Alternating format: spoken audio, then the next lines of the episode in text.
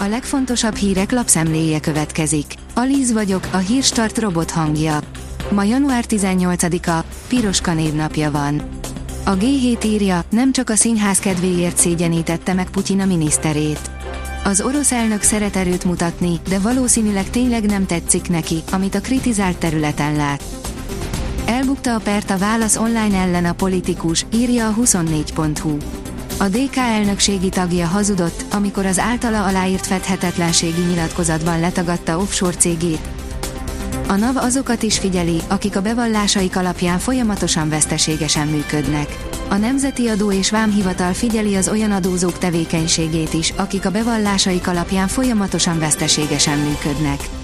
Így jutottak el a revizorok ahhoz a tüzéptelephez, amely 37 millió forintnyi bevételt titkolt el, írja a növekedést. Az Autopro kérdezi, ki fog dolgozni az akugyárakban. A hazánkban megvalósuló beruházások sok új munkahelyet teremtenek, talán többet is, mint amit be lehet tölteni. Lassított az infláció, 400 forinttal csökkentek az üzemanyagárak Angliában. Valamelyest lassult, de továbbra is 10% felett, négy évtizedes rekordja közelében járt decemberben az éves brit infláció. Ami viszont jó hír, a benzinliterje 374 forinttal, a gázolajé 396 forinttal lett olcsóbb egy hónap alatt az Egyesült Királyságban, írja a napi.hu. A vezes kérdezi, nem fizet a biztosító, ha külföldről van az autó. Több érdekes jogi esettel keresték meg szakértőinket, akik készséggel válaszoltak az olvasóknak. A Hír TV szerint 120-szal az autópályán, csak éppen rollerrel. 120-szal száguldott elektromos rollerével az autópályán egy 21 éves nő. Az elektromos rollerek szabályozása a megjelenésüktől kezdve állandó közéleti témává vált. Kínában egyre vadabb az elektromos autók árversenye.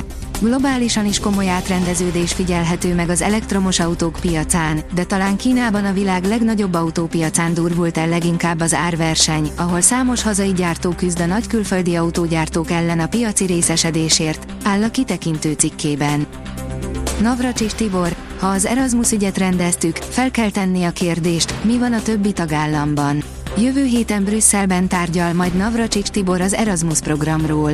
Az uniós forrásokért is felelős miniszter úgy látja, egyelőre az Európai Bizottság sem tudja, mit kell tennie Magyarországnak, hogy a program továbbra is elérhető legyen, írja az Infostart. A portfólió oldalon olvasható, hogy mire készül Oroszország. Nagyon mozgolódnak a nukleáris csapásmérőerők.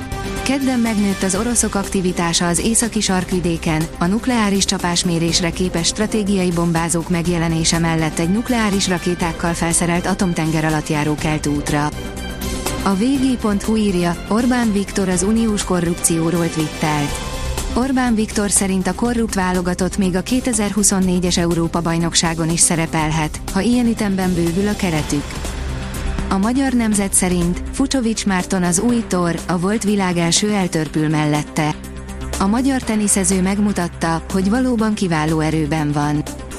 A büntető.com írja, feltörekvő edző került a Nyíregyháza kispadjára.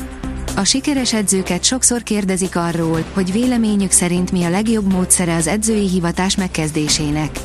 Az egyik gyakran hangoztatott tanács, hogy az utánpótlásban érdemes kezdeni, hiszen a gyermekek között rengeteg tapasztalatot gyűjthetnek, és ezek a későbbi, felnőtt futballbeli pályafutás alatt aranyat érhetnek a kispadon. A kiderül oldalon olvasható, hogy mutatjuk, mikor érkezik az újabb csapadék, óráról órára. Rövid szünetet követően ismét csapadékosra fordul időjárásunk. Térkép sorozaton mutatjuk be, merre kell esőre, havazásra számítani. A Hírstart friss lapszemléjét hallotta. Ha még több hírt szeretne hallani, kérjük, látogassa meg a podcast.hírstart.hu oldalunkat, vagy keressen minket a Spotify csatornánkon, ahol kérjük, értékelje csatornánkat 5 csillagra. Az elhangzott hírek teljes terjedelemben elérhetőek weboldalunkon is.